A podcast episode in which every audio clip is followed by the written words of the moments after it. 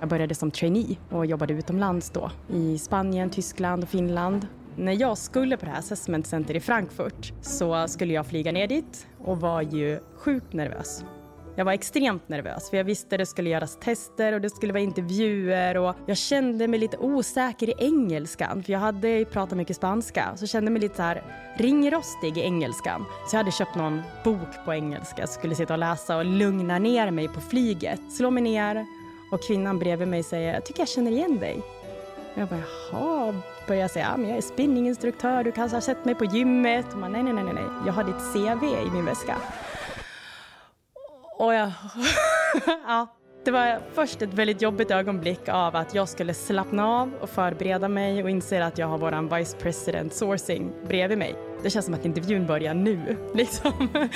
Men jag tror att det var väldigt positivt, för vi fick ett informellt möte och jag fick verkligen känslan för vilket företag Uponor är. Det är just det här informella som är vår styrka.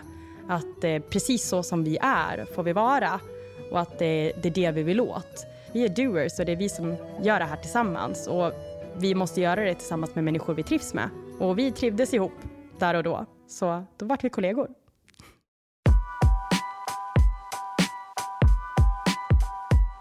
Jag heter Maria Mikasa och jag jobbar som chef för verksamhetsutveckling på Uponor i Virsbo. Vem är jag? Jo, jag är en person som älskar dans, har dansat hela mitt liv, så dans är min passion. Jag gillar även att läsa väldigt mycket, så det är faktiskt de grejerna som är mina största hobbys, om man ska kalla det så. Upponor är ett företag som jobbar med eh, lösningar för VVS-branschen. Dels så har vi någonting som heter tappvatten som är ju då för, vad ska man säga, dricksvatten, ja, för att du ska kunna få dricksvatten. Sen har vi även golvvärme då, så för att ja, men kunna få värme under golv. Så det är ju en hel del både vad ska man säga, processtänkande, det är tekniskt tänkande, det finns forskningsrelaterade områden också. Så det är en väldigt stor blandning av eh, både utveckling men sen också produktion i sig. Det jag brukar säga ibland lite så här på skämt är att jag har aldrig haft samma roll eh, längre än ett år i princip. Eh, men eh, jag började först med att jag pluggade till maskinteknik, högskoleingenjör i Stockholm på KTH. Och sen därifrån när jag var klar så skrev jag in mig på Arbetsförmedlingen som jag har lärt mig att man ska göra.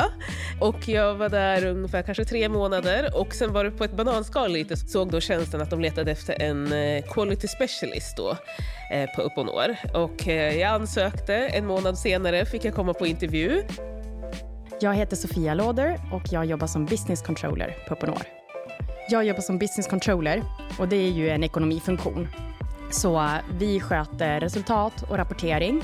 Ehm, så jag följer upp eh, ja, det som bokas, det, allt ifrån liksom fakturor som kommer in, som konteras, som vi placerar i vårt resultat enligt en, eh, en struktur som vi har här och eh, följer även upp våra kopior, sånt som vi tycker är viktigt att följa upp. Framförallt är det våra volymer som produceras i fabriken i Virsbo och hur det går för fabriken i Virsbo med skrotnivåer, inventeringar, ja, projekt, saker vi vill eh, bli bättre på.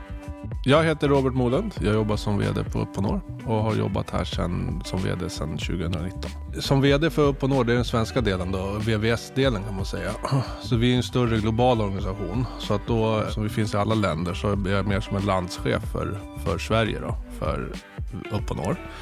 Och eh, operationellt ansvar så har jag egentligen för att vi lyckas med försäljning och eh, levererar i, i Sverige då till allting. Med sälj och marknad och kvalitet och allt sånt vidare. Sen är jag också då arbetsmiljöansvarig, eller jag har ju arbetsmiljöansvaret för vår fabrik som vi har i Virsbo. Vi har ju 17 fabriker runt om i världen, två i Sverige, var vi har en i Virsbo och en i Fristad utanför Borås.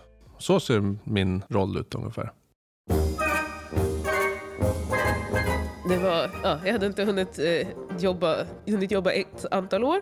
Och sen var det jag och min kollega som även är min vän eh, Emily så var, jobbade vi den sommaren och det var inte så jättemånga uppe på kontorsavdelningen. Och sen insåg vi att eh, toaletterna fungerade inte. Det gick inte att spola. Då tänkte vi bara, va? Men vi håller ju på med hur kan vi inte kunna spola i våra toaletter? Så då kom vi fram till, jaha, nej men eh, de ska komma och spola avloppen här och fixa. Men då gick vi omkring och satte massa post-it-lappar på varje toalett man hade varit på då för att kunna veta vilken man inte kunde gå på sen. Vilket gjorde att det blev lite så här masshysteri. Vi var ändå så bara tro, tre personer på kontoret men eh, det blev lite så här bara, ja vad ska vi gå på toa nu då? Nej nu får vi hålla oss resten av tiden här. Så det var en lite rolig grej som hände oss också. Ja. Svårt att beskriva en kultur liksom. Ja, men för, för mig så handlar det väldigt mycket om just den här prestigelösheten. Att eh, det är svårt att komma in i Virsbo och i lackskor och vara kaxig. Då kommer man inte så långt. Utan man måste ju kunna blanda eh, arbetsbralla och eh, klackskor. Liksom. Ja, men fördelarna med att ha en blandning av personer är ju att eh, det blir väldigt inkluderande. Det har varit väldigt tydligt tycker jag, i matsalen att eh, vi kan vara 20 personer som sitter där och det pågår ett gemensamt samtal. Det blir inte alltid grupperingar. Det kan såklart hända, men vi är inte fler än att det kan ja, det blir väldigt gemensamt där alla inkluderas och vi får många olika perspektiv just på grund av att vi är en blandning i personer.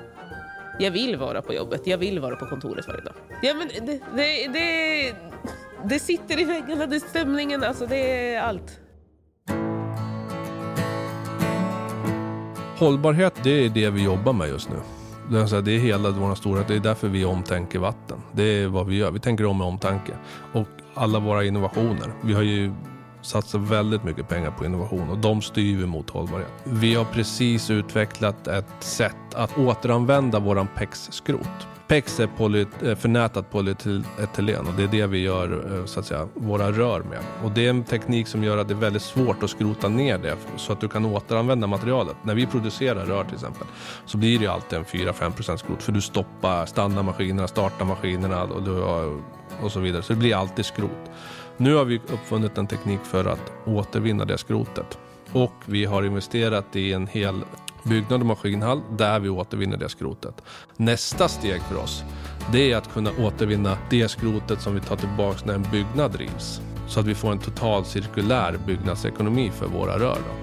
Då. Och där jobbar vi mycket med dels vår utvecklingsavdelning men även externa parter för att försöka se ja, men hur ska vi återanvända till exempel då materialen vi använder på, eh, när vi tillverkar våra rör.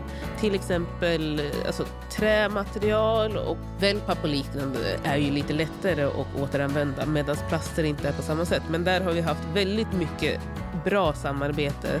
Men jag skulle även plocka fram det här med eh, talanger. Det är också ett sätt, för vi är en liten sajt. Vi är väldigt beroende av just de personerna som är här. Så vi jobbar väldigt mycket med de individerna och utvecklar de vi har. Vi kan inte bara ta in och ta ut personer hela tiden utan många blir kvar länge och vi jobbar utvecklande med de människorna som finns hos oss. De utbildnings...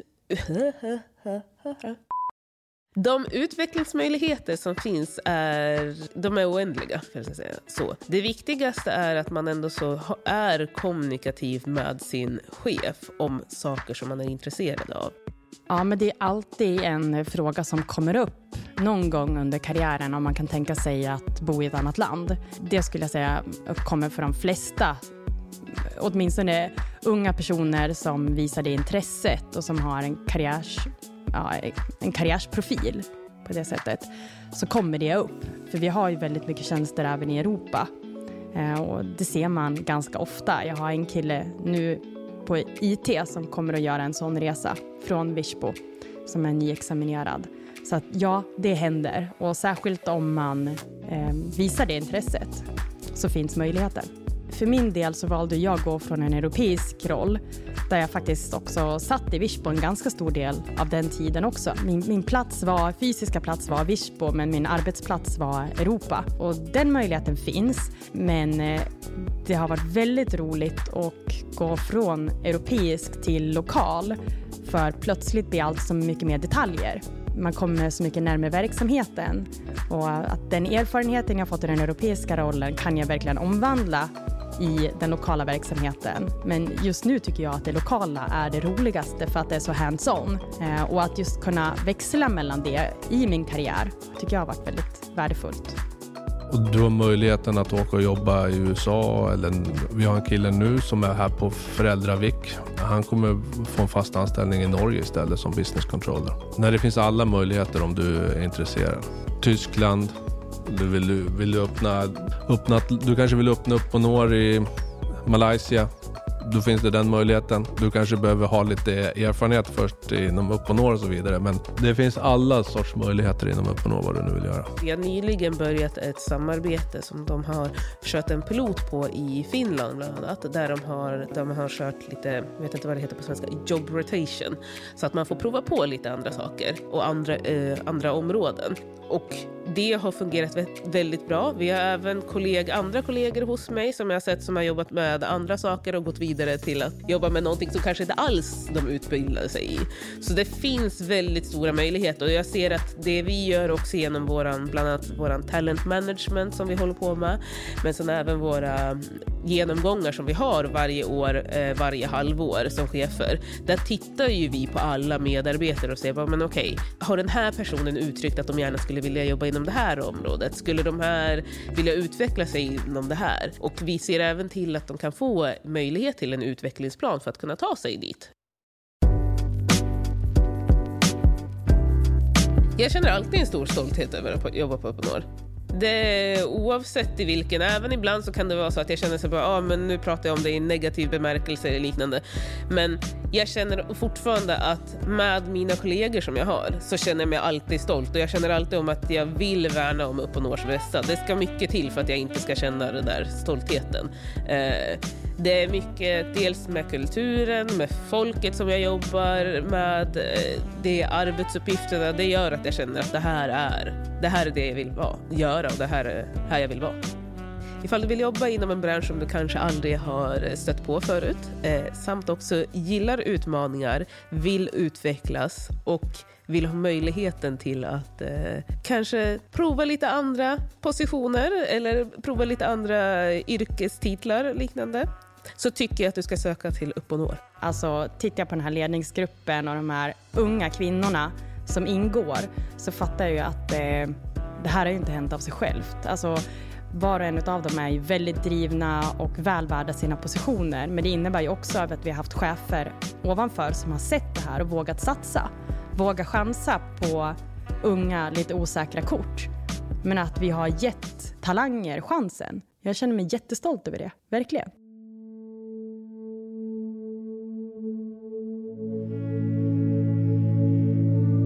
En kille som jobbar här som heter eh, Joakim Jönsson, han jobbar som eh, fältingenjör.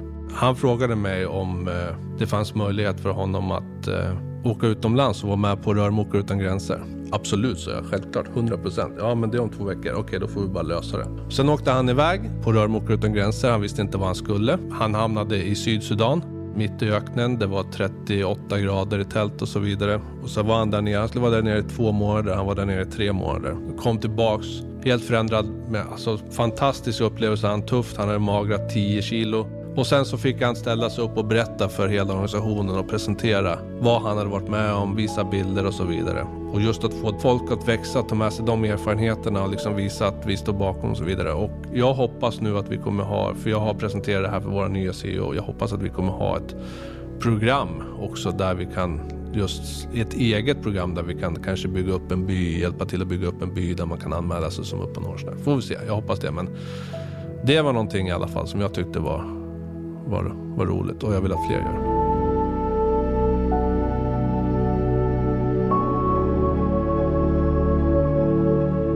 Du har lyssnat på Jobcast. Om du inte redan lyssnar i vår app så ladda ner den på App Store eller Google Play.